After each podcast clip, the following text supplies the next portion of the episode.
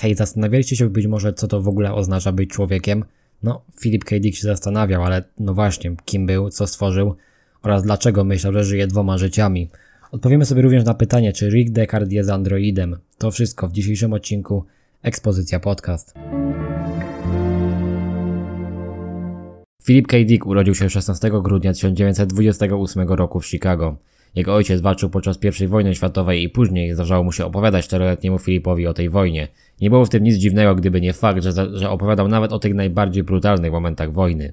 Jego matka była komunistką i to dosyć specyficzne połączenie, już musimy sobie to powiedzieć. Nie ma co się więc dziwić, że w pewnym momencie doszło do rozwodu, dosyć brutalnego rozwodu, ponieważ wtedy właśnie zaczęła się walka o prawa o wychowania nad Filipem. Prawa koniec końców wygrała matka. Filip miał siostrę bliźniaczkę o nazwie Jane Charlotte. Ta jednak była wcześniakiem i urodziła się 6 tygodni przed terminem. Jak na ironię losu, zmarła właśnie 6 tygodni później. Motyw bliźniaka to jest w ogóle ciekawy motyw, on bardzo często pojawia się w historiach Filipa K. Dicka. Wiele z postaci budował właśnie na wyobrażeniu siostry. Dowiedział się m.in., że miała ona długie, brązowe włosy i w taki sposób powstało wiele postaci, wiele kobiecych postaci, m.in. postać Rachel z Blade Runnera. Filip już od najmłodszych lat, już od czasów szkolnych wyrażał zainteresowanie science fiction. Pierwszym przeczytanym przez niego magazynem było Steering Science Stories w roku 1940.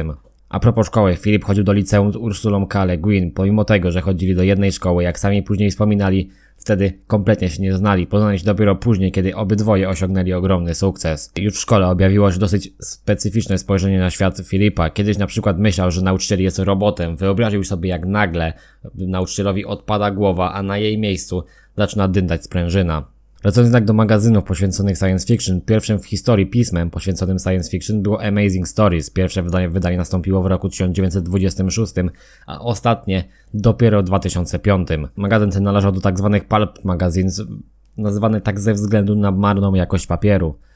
W tym magazynie debiutowały takie nazwiska jak Isaac Asimov, wcześniej wspomniana Ursula K. Le Guin oraz m.in. John W.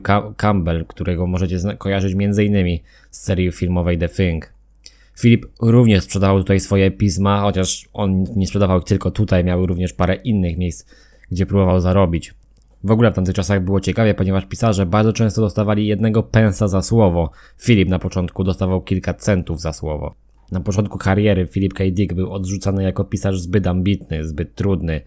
Przez mainstream w ogóle był odrzucany ze względu na gatunek, w jakim pisał, przez gatunek fantastyki naukowej. Na przykład, gdy kupował jedną z pierwszych wydanych swoich książek, Jedna kobieta zapytała go, chwilę, pan czyta takie rzeczy? Filip spojrzał na kobietę i odpowiedział, no nie tylko czytam, ale nawet piszę. Jeżeli chodzi o inne prace Filipa K. Dicka, to robił naprawdę dużo, między innymi pracował w sklepie z muzyką. W ogóle jeżeli chodzi o muzykę i Filipa K. Dicka, to tu jest jedna bardzo ciekawa anegdota, ponieważ Filip K. Dick miał dosyć pokaźną kolekcję winyli i podczas jednego z upałów wszystkie jego winyle stopiły się w jedną zbitą masę. Prawdziwym przełomem w jego karierze była powieść Człowiek z Wysokiego Zamku, wydana w 1961 roku. Za tę powieść został nagrodzony nagrodą Hugo na WorldConie, czyli World Science Fiction Convention. Nazwa nagroda Hugo pochodzi od Hugo Gernsbecka, fundatora Amazing Stories, o którym już sobie wcześniej wspomnieliśmy. Na początku ta nagroda nazywała się doroczną nagrodą za dokonania w dziedzinie science fiction. Hugo była nazwą potoczną, która dopiero później stała się nazwą oficjalną. Nagroda Hugo to chyba najwyższy rodzaj odznaczenia, jeżeli chodzi o właśnie tę działkę, jeżeli chodzi o działkę pisarzy science fiction. Człowiek z Wysokiego Zamku to książka przedstawiająca historię alternatywną, a w zasadzie alternatywnego świata. No dobra, tak dokładnie trzech światów. Pierwszym z nich jest świat powieści stworzony przez Filipa K. Dicka, drugim świat stworzony przez fikcyjnego autora, Hautona Absensena, autora występującego w książce i autora, który w książce stworzył powieść Utyjesza Ręcza oraz chwilowo nasz świat, jak te trzy światy przeplatają się w tej jednej historii. Sama akcja dzieje się w drugiej połowie XX wieku nad zachodnim wybrzeżu USA. Ta część, ta część świata, czyli zachodnie wybrzeże, była pod wpływami japońskimi. Świat rządzony był przez zwycięskie państwa osi, a ludność podbita została zdegradowana do roli służących. USA było pod okupacją niemiecko-japońską, a środkowe Stany były strefą buforową, strefą zależną od obu mocarstw. Jeżeli chodzi o inne części świata, to Europa i Afryka została podbita przez Rzeszę, a my, czyli Słowianie, zostaliśmy zepchnięci za Kaukaz. Świat w tej powieści stoi na skraju wojny, ponieważ mocarstwa niby mają pewien sojusz, ale jest on bardzo chwiejny, bardzo są z tego mocarstwa, z tego sojuszu niezadowolone. Utije Szarańcza to jest w ogóle ciekawa książka, ponieważ jest to historia alternatywna w historii alternatywnej. W tej powieści państwa osi przegrały wojnę, ale w roku 1948 w tej, tej powieści również Roosevelt nie wystartował po raz trzeci. Churchill nadal rządzi Wielką Brytanią. Akcja rozgrywa się w roku 1962, a USA wciąż utrzymuje stosunki handlowe z Chinami Chiang Kai-sheka. No więc co się nie zgadza? Po kolei. Frank Roosevelt wystartował po raz trzeci w wyborach, tak naprawdę rządził 12 lat, to były 4 kadencje, z czego ostatnia została przerwana przez udar mózgu. Jest to jedyny prezydent Stanów Zjednoczonych panujący więcej niż dwie kadencje, to właśnie po nim w życie weszła poprawka w konstytucji, która ograniczała prezydenturę do dwóch kadencji. Jeżeli chodzi o Churchilla, ten nie rządził w roku 1962, kiedy dzieje się akcja powieści ponieważ ten rządził do roku 1955, 1962 to rok jego śmierci. Jeżeli chodzi o Chiny i Chiang Kai-sheka, tam kiedyś może jakieś stosunki handlowe były z USA, ale na pewno nie w roku 1962, ponieważ wtedy Chiang Kai-shek już dawno przegrał wojnę z komunistami, wojnę domową. W roku 1949 Chiang Kai-shek ucieka do Tajwanu. Wtedy komunizm w Chinach zaczyna rozpanoszyć się na dobre, a na czele komunizmu staje Mao Zedong. Jeżeli chodzi o sam tytuł Utyje Szarańcza, Pochodzi on najprawdopodobniej z księgi Kocheleta. Możemy tam przeczytać. Będą się też bać miejsc wysokich i będą się lękać na drodze. Zakwitnie drzewo migdałowe, utyje szarańcza, a rozproszą się kapary, bo pójdzie człowiek do wieczności swej i będą chodzić po ulicach płaczący. To jest przekład z Biblii Wójka. A kim był w ogóle ten Kochelet? No, Kochelet to był człowiek, który przemawiał podczas zebrań. W księdze Kocheleta możemy znaleźć rozważania nad sensem życia, jednak z nich wynika, że nic nie ma absolutnej wartości, nic nie jest trwałe, nic nie potrafi uszczęśliwić. No, można to skwitować jednym zdaniem. Marność nad marnościami i wszystko marność. Jeżeli chodzi o kapar, który tam również się pojawił, to była to roślina, której owoce wykorzystywano do tworzenia przyprawy. Jednak o wiele częściej niż owoce używało się młodych pęków tej rośliny, ponieważ marynowane pęki używano jako przyprawy, która pobudzała apetyt. Tę zależność znano już w starożytności. Kochelet, przez to, przez to Kochelet chciał powiedzieć, że nawet kapary nie potrafią wzniecić u człowieka niknącego apetytu. Wracając do człowieka z wysokiego zamku, to jest fantastyczna historia. Ma jednak jeden szczegół, jeden detal, który pojawia się w wielu książkach Filipa K. Dicka. Wiecie, na pewno kojarzycie ten motyw, jak w wielu, cudzysłowie, normalnych historiach jest jakaś siła oporu. Wiecie, nie wiem, w Gwiezdnych Wojnach, w Igrzyskach Śmierci, w wielu lepszych czy gorszych filmach jest jakaś siła oporu. Filipa K. Dicka opór nie istnieje. Jeżeli chcemy mówić o pozostałej twórczości Filipa K. Dicka, nie możemy nie wspomnieć o wydanej w 1968 roku powieści Czy androidy śnią o elektrycznych owcach. To była powieść, na podstawie której później Ridley Scott stworzy swojego Blade Runnera. W ogóle to były ciekawe, ciekawe czasy, ponieważ wtedy ludzie jarali się technologią, jarali się wyobrażeniami przyszłości. Na pewno kojarzycie te wszystkie dziwne filmy pokazujące w cudzysłowie latające auta, czy nie wiem, ludzi potrafiących latać za pomocą butów. Dick robił dokładnie na odwrót, ponieważ on pokazywał negatywy przyszłości oraz potencjalne zagrożenia. Jedną z ciekawszych historii, jakie stworzył Philip K. Dick jest Wallis, quasi-biograficzna, quasi-biograficzna historia, której zawarł on również swoją wizję Boga. Wizję powstałą poprzez wymieszanie własnych przeżyć oraz chrześcijaństwa, gnozy, taoizmu oraz jungowskiej psychoanalizy. Czym były te wszystkie rzeczy? No, gnoza to jest na pewno ciekawa rzecz. Mitologia gnostycka przedstawia człowieka jako pogrążonego we śnie, a obudzenie się z niego to poznanie prawdy o swoim duchowym powołaniu. Ogólne założenie było dosyć proste. Świat, cała materia oraz ludzie nie byli dziełami prawdziwego Boga, tylko dziełem sił niższych, nazwanych archontami.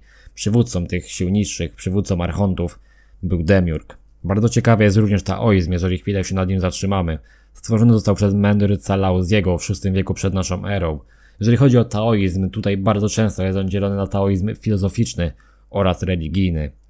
Jeżeli chodzi o filozoficzny, jeżeli chodzi o taoizm filozoficzny, tu możemy wyodrębnić pojęcie Dao, czyli taką esencję wszechświata. Dao nie da się w żaden sposób opisać, no chyba, że przez paradoksy, ponieważ tak często się zmienia. Bardzo ważnym pojęciem jest Wu Wei, co dosłownie znaczy nie działanie, albo działanie bez wysiłku. W każdym bądź razie chodzi o działanie w harmonii z Dao. Jeżeli będziemy doświadczać Dao, czyli esencji wszechświata i w ten sposób poznawać je, będziemy my, jako ludzie, nabywać naturalną cnotę zwaną De, która pozwala na osiągnięcie harmonii Wei.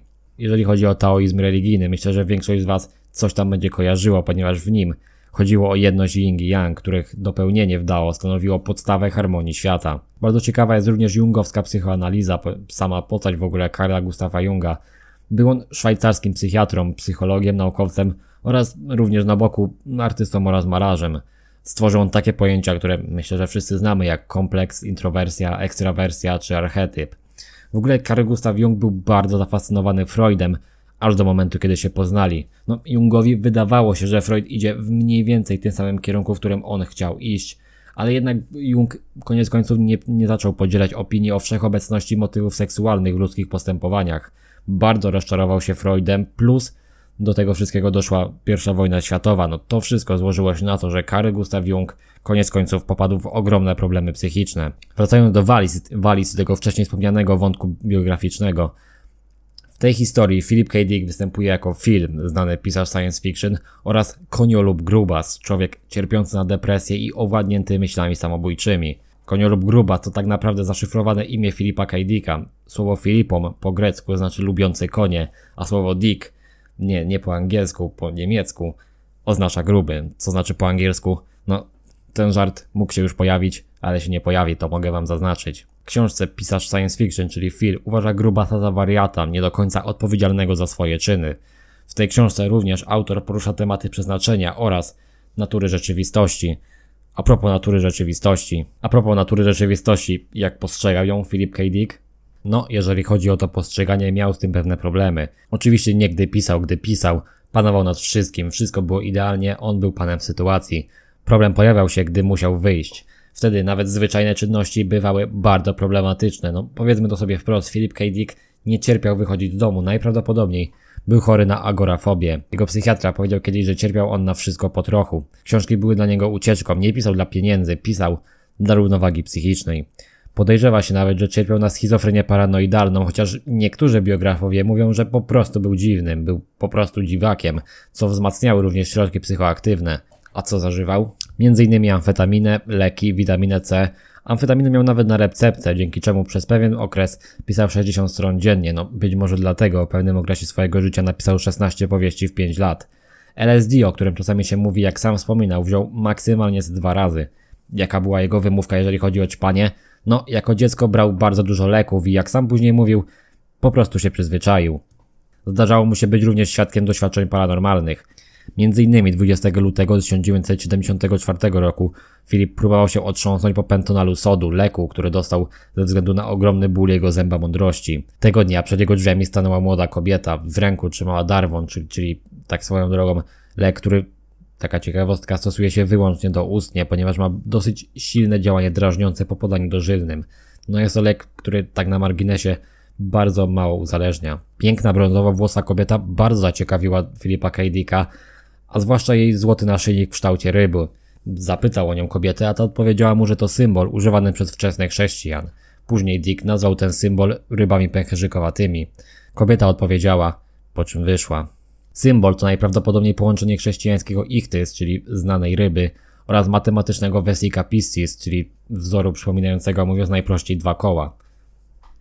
Dick potem wspominał, że gdy słońce odbijało się od złotego wisiorka, Odbicie spowodowało wytworzenie różowego promienia. Ten promień zahipnotyzował pisarza. Dick uwierzył, że promień daje mądrość oraz zdolność jasnowidzenia. Nawet potem uwierzył, że ten promień zwiększy jego inteligencję.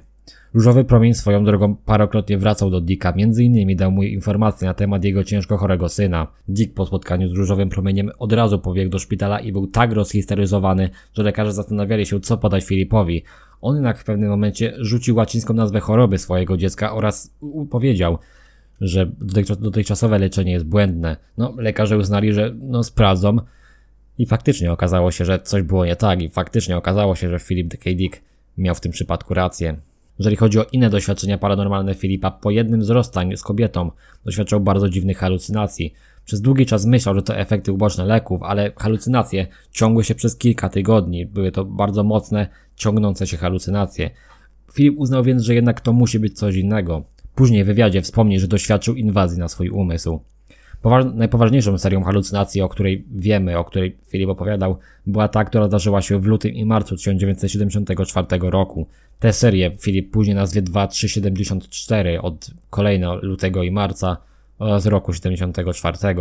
Znowu widział różowy promień, tym razem również widział wzory geometryczne, nawet przez pewien czas krótkie zdjęcia Jezusa oraz starożytnego Rzymu.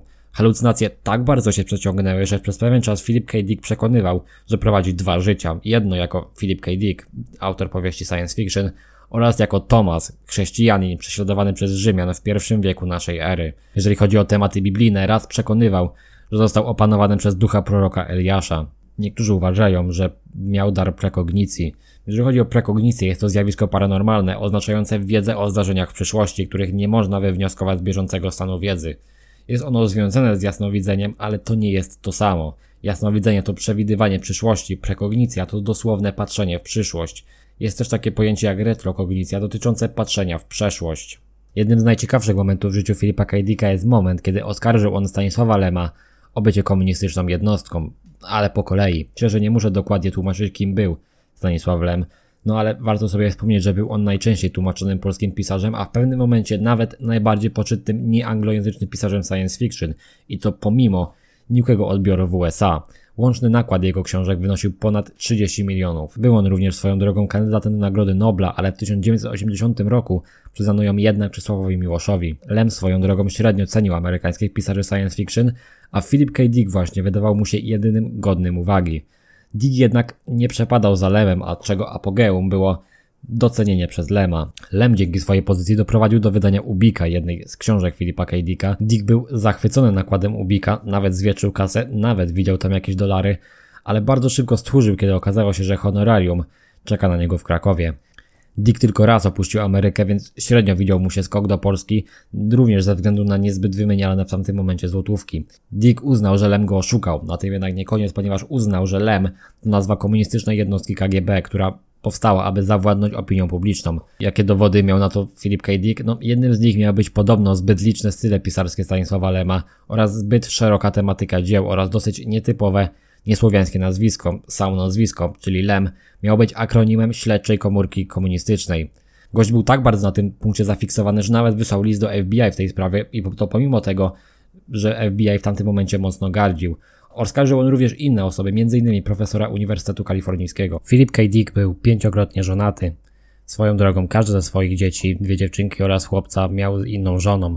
Córka Izolda Freya Dick, która dzisiaj czasami przedstawia się jako Iza Dick Hackett, jest scenarzystką oraz producentką w Amazonie, pomaga oraz nadzoruje pracę nad filmowymi adaptacjami ojca, m.in. nad serialem Człowiek z Wysokiego Zamku, tworzony właśnie przez Amazona. Jego związki nie wyglądały najczęściej zbyt kolorowo. Fizycznie znęcał się nad trzecią żoną Annie, Annie Williams. Po jednej z kłótni próbował zepchnąć ją z urwiska w samochodzie. Przekonywał później, że to ona chciała się go pozbyć i próbował przekonywać psychiatrę, aby, kobietę, aby uznać kobietę za niepoczytalną. Po złożeniu papierów rozwodowych przeniósł się do swojej fanki, autorki oraz redaktorki Granny Davis. Niedługo potem próbował pełnić samobójstwo, zjeżdżając z drogi, gdy ona była pasażerką. W 1955 roku razem z jego żoną Cleo przyjęli wizytę FBI. Wtedy myśleli, że było to wynikiem socjalistycznych poglądów żony oraz jej lewicowych działań. A propos FBI. W roku 1978 Philip K. Dick przechodził chyba najgorszy okres w życiu. Najpierw jego małżeństwo z Nancy Hackett było w okropnym stanie, ten wyprowadził się z domu, a rok później rozwiódł. Miał wtedy, miał wtedy problem z amfetaminą, mieszkał również z innymi ćpunami, co chyba niezbyt pomagało w podniesieniu się. Gdy kilka miesięcy później wrócił do swojego domu, został obrabowany, ktoś wysadził safe oraz ukradł nawet prywatne notatki Filipa. Oczywiście od razu wezwał policję, ale policja nie znalazła winowajcy, a nawet przez długi czas podejrzewała Dicka, czy ten sam siebie nie obrabował. Nie ma co się dziwić, że gość był dosyć podejrzliwy, miał w domu nawet plakat, na którym było napisane to, że jestem paranoikiem, nie znaczy, że nie chcecie mnie dopaść. Kiedyś, kiedyś usłyszał na policji, że jest krzyżowcem, ale policjanci niestety nie wytłumaczyli o co chodzi, więc Filip parę razy opowiadał tę anegdotę, ale sam zastanawiał się o co chodziło. Pewnego razu został zaproszony na Vicon, czyli Festiwal Science Fiction Vancouver. To był swoją drogą jedyny moment, kiedy Philip K. Dick opuścił Amerykę. Wtedy wygłosił znane przemówienie The Android and the Human oraz między innymi rzucił, że zakochał się w kobiecie o imieniu Janice oraz zostanie w Vancouver. To próbował wykorzystać jeden z okolicznych krytyków. Ten zaprosił Dicka do domu. Dosyć szybko zaczął tego żałować. Po dwóch tygodniach wykopał Filipa z domu. No, podobno przez nieobliczalne zachowanie pisarza. Jednocześnie jego związek z Janice zakończył się poprzez wyprowadzenie się Janice.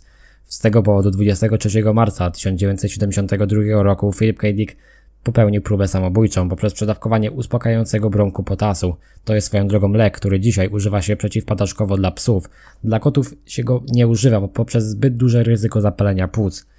Na szczęście udało mu się otrząsnąć i przystąpił do programu znanego jako Xkeley, czyli takiego kanadyjskiego odpowiednika Synanonu. Tylko, no dobra, ale czym jest ten Synanon? Synanon to taka wspólnota dla osób uzależnionych lub popadających w uzależnienie.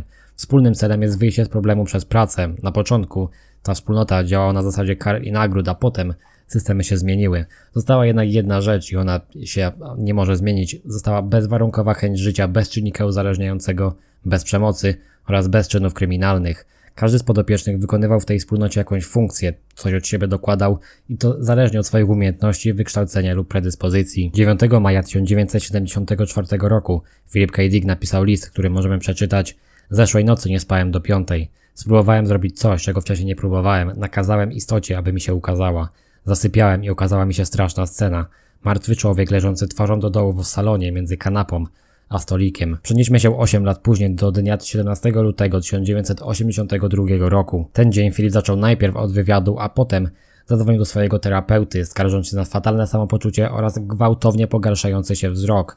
Jeżeli chodzi o wzrok, to tutaj bardzo nie pomagał dziennikarz, z którym wcześniej rozmawiał Filip. Ten bardzo często używał zwrotów typu nie widzi pan albo proszę spojrzeć. Terapeuta natychmiast nakazał iść Filipowi do lekarza, ale Filip jednak tego nie zrobił. Na następny dzień znaleziono go nieprzytomnego na podłodze, leżącego twarzą do dołu w salonie. Dokładnie tak, jak napisał w liście 8 lat wcześniej. Filip przeszedł udar, w szpitalu przyszedł kolejny, co doprowadziło niestety do śmierci mózgu, czyli stanu, pozwalającego na zaprzestanie dalszego, niecelowego leczenia. Pięć dni później został odłączony do, od aparatu podtrzymującego życie. Zmarł cztery miesiące przed premierą Blade Runnera, no chociaż tutaj akurat musimy przyznać, że widział kawałek wcześniej i nawet ten kawałek mu się spodobał. Został pochowany obok swojej rodzonej siostry, tam już wcześniej było wolne miejsce, jednak Filip dopiero wtedy mógł je zająć. 2 marca 1982 roku umarł wielki pisarz, pisarz, dzięki któremu powstały w języku angielskim takie słowa jak Dickan czy Philip Dickan. Wiele, wiele jego wizji się spełniło, katastrofy ekologiczne, społeczeństwo pod nadzorem, niestety te najgorsze. Polski tłumacz Lech Jęczmek nazwał go Dostojewskim science fiction, a jego znajoma, znajoma ze szkolnej ławy, Ursula K. Le Guin nazwała go amerykańskim Borgesem. Kim? Borges był argentyńskim pisarzem. Genealogicznie związany był z niektórymi wojskowymi, głównie tymi, którzy walczyli o wyzwolenie Argentyny. Jeden z jego przodków przewodził zgromadzeniu w Tucuman, podpisał nawet akt niepodległości. Borges został wysłany do szkoły, kiedy miał 9 lat, ale szkoła była dla niego prawdziwym koszmarem. Kolegom bardzo często zdarzało się drwić z przemądrzałego okularnika ubranego jak paniczyk, na dodatek nie, niezainteresowanego sportem oraz jąkającego się tam. Jak sam później wspominał, w tej szkole nauczył się tylko slangu z Buenos Aires oraz strategii pozostania niezauważonym. W 1914 ojciec został zmuszony do zakończenia kariery przez ślepotę. No, paręnaście lat później ta ślepota również dotknie syna. Swoją drogą ślepy bibliotekarz Jorge z imienia Róży Umberto Eco to jest postać inspirowana właśnie jego osobą. No dobra, ale tak, mówimy o tych rzeczach naokoło, porozmawiajmy w końcu o Blade Runnerze, porozmawiajmy o filmie z 82. Blade Runner z roku 1982 to film, który na początku nie do końca przypadł do gustu recenzentom. Ci na początku nie byli zachwyceni, ale na szczęście dosyć szybko zmienili zdanie. Nie zmienia to jednak faktu, że film nie, nie był sukcesem finansowym. Był dużym sukcesem krytycznym. Ridley Scott później nazwie ten film swoim najpełniejszym i najbardziej osobistym filmem. No, film dostał dwie nominacje do Oscara za scenografię i efekty wizualne, a w 2007 roku amerykański Instytut Filmowy umieścił go na 97 miejscu najlepszych filmów wszechczasów. Sama produkcja nie wyglądała jednak aż tak kolorowo. Producent mocno próbował ingerować w montaż, z czego koniec końców powstały dwie wersje. Pierwotna, zmontowana pod naciskiem producentów oraz druga z otwartym zakończeniem, między innymi zmieniająca zakończenie, usuwająca komentarz z OFU, który wyjaśniał to i owo, oraz wzbogacona o scenę, która dosyć mocno zmieniała znaczenie filmu oraz odbiór głównej postaci. Druga wersja znana jest jako wersja reżyserska, ale Scott zapowiadał kolejną wersję już od roku 2000. Tak koniec końców w 2007 roku powstał Final Cut. Swoją drogą na boku możemy sobie powiedzieć, że Scott dzisiaj uznawany jest za jednego z ojców tworzenia wersji reżyserskich. Muzykę do tego filmu stworzył Greg Vangelis. Pierwsze wydanie nastąpiło w roku 1994, ale w 2007 roku powstała wersja rozszerzona. Trzypłytowa wersja rozszerzona na pierwszej znalazła się oryginalna ścieżka z filmu, na drugiej kilka nowych utworów, a trzecia zawierała m.in. utwór Spotkanie z Matką, gdzie Roman Polański czyta wiersz Konstantego Ildefonsa Gałczyńskiego. Po wersji z roku 2007 pojawiło się dużo pytań, m.in. czy główna postać, czy Rick Deckard na pewno jest człowiekiem. Jedną ze scen, która poddawała to wątpliwość była scena z jednorożcem oraz scena z origami. Nie chcę, nie chcę tutaj spoilerować, ale to była scena, która miała sugerować replikanckie pochodzenie Ricka. No więc tutaj musimy sobie zadać pytanie, czy Rick Deckard jest replikantem. Po pierwsze, motyw ten oraz te sceny nie pojawiają się w pierwotnej wersji filmu, doklejono je dopiero później. Scenarzysta nawet zapytany kiedyś wprost, czy Rick jest replikantem, powiedział, że, że nie, chciał po prostu, aby film był niejednoznaczny. Samemu Harrisonowi Fordowi nie spodobał się pomysł Decarda Androida, no być może czuł w tym jakiś fałsz. Ford nawet kiedyś w wywiadzie powiedział, myślałem, że wygrałem z Lileyem, ale w rzeczywistości myślę, że miał rezerwy na ten temat. Myślę, że naprawdę chciał iść w obu kierunkach. Denis Villeneuve, reżyser sequelu, reżyser filmu Blade Runner 2049 powiedział, że panowie spierają się o to do dzisiaj. Po drugie, w jednej ze scen Decardowi świecą się oczy, niczym u replikanta. Hipoteza ta jednak została obalona przez samego Forda, który powiedział, że oczy lśnią mu w jednej scenie i to dosłownie przez chwilę. Aktor zaznaczył, że mógł przypadkowo podłapać troszkę światła, które miało paść na Sean, na Sean Young, czyli aktorka, która grała Rachel. Do tego Ford gra troszkę zbyt ludzko. Scott potrafił pokierować aktorami w taki sposób, że było wiadomo, kto jest androidem, a kto nie. No, tutaj myślę, że tego problemu nie mamy. Po trzecie, chociaż to nie do końca jest dowód, Dick stworzył postać Decarda w książce jako człowieka, aby podkreślić podobieństwo replikantów i ludzi. W książce Descartes jest człowiekiem. Wracając jednak do procesu twórczego, musimy sobie wspomnieć o jednej ciekawej rzeczy. Scenariusz na początku nazywał się Android albo Niebezpieczne Dni. Reżyser w ogóle miał kilka obiekcji, m.in. przed nazwaniem Descartesa detektywem. Końcową nazwę znaleziono w książce Alna Norsa pod nazwą The Blade Runners. Książka opowiadała o zubożałej społeczności, której lekarstwa dostarczali przemytnicy. Przemytnicy zwani Blade Runners. Polskie tłumaczenie łowca androidów trochę w tym przypadku traci sens. Swoją drogą Philip K. Dick nigdy również nie użył słowa replikanci, używał słowa androidy, ale android brzmiało trochę zbyt komicznie dla twórców. Jeżeli chodzi o rolę, do roli Decarda mocnym kandydatem był Dustin Hoffman, ten jednak powiedział, że nie, nie uosabia postaci twardego gliniarza. Innymi ciekawymi aktorami, którzy mieli wcielić się w postać Decarda był m.in. Tommy Lee Jones, Jack Nicholson, Clint Eastwood, Al Pacino oraz Arnold Schwarzenegger. A propos jeszcze aktorów i ciekawych zabiegów, Rutger Hauer został poinstruowany, aby w scenie z Tyrellem wymawiać słowo father, tak aby brzmiało podobnie jak słowo fucker. Swoją drogą być może kojarzycie scenę, w której Hauer przebija sobie rękę, to jest jedna z ostatnich scen, przebija sobie rękę gwoździem. Po co to robi? Robi to z tego powodu, że wie, że umiera i robi to, aby poczuć coś przed śmiercią. Jakkolwiek to nie zabrzmi, ból jest dla niego piękny, dzięki niemu czuje, że istnieje. Jeżeli chodzi o inne małe detale, to m.in. łuska węża, którą widzimy w jednej scenie pod mikroskopem elektronowym, tak naprawdę nie była łuską węża, tak naprawdę była pączkiem marihuany. W roku 2017 w końcu powstał sequel Blade Runner 2049, chociaż tak naprawdę prace nad tą drugą częścią zaczęły się już w roku 1999 i wtedy projekt nazywał się Blade Runner Down. Dosyć zaskakująco, film okazał się fantastyczny. Myślę, że nikt tego się nie spodziewał. Wiemy, jak ostatnimi czasy sequele potrafią dać nam w kość. Tutaj też, jeżeli chodzi o produkcję, było kilka ciekawych zawirowań. Między innymi w rolę producenta replikantów Wallace'a początkowo miał wcielić się sam David Bowie. Niestety przez śmierć artysty w rolę to musiał wcielić się Jared Leto. Jared Leto, który bardzo mocno poświęcił się dla, dla roli, między innymi przez cały czas nosił soczewki, które realnie zasłaniały mu widok. Chciał jak najmocniej wczuć się w postać ślepego producenta replikantów. Obydwa filmy okazały się zarówno ogromnymi sukcesami krytycznymi, jak i ogromnymi klapami finansowymi. Obydwa filmy na siebie nie zarobiły. To tyle w tym odcinku. Jeżeli Wam się podobało, dajcie po prostu znać. Kolejne odcinki już w przyszłym tygodniu. Hej!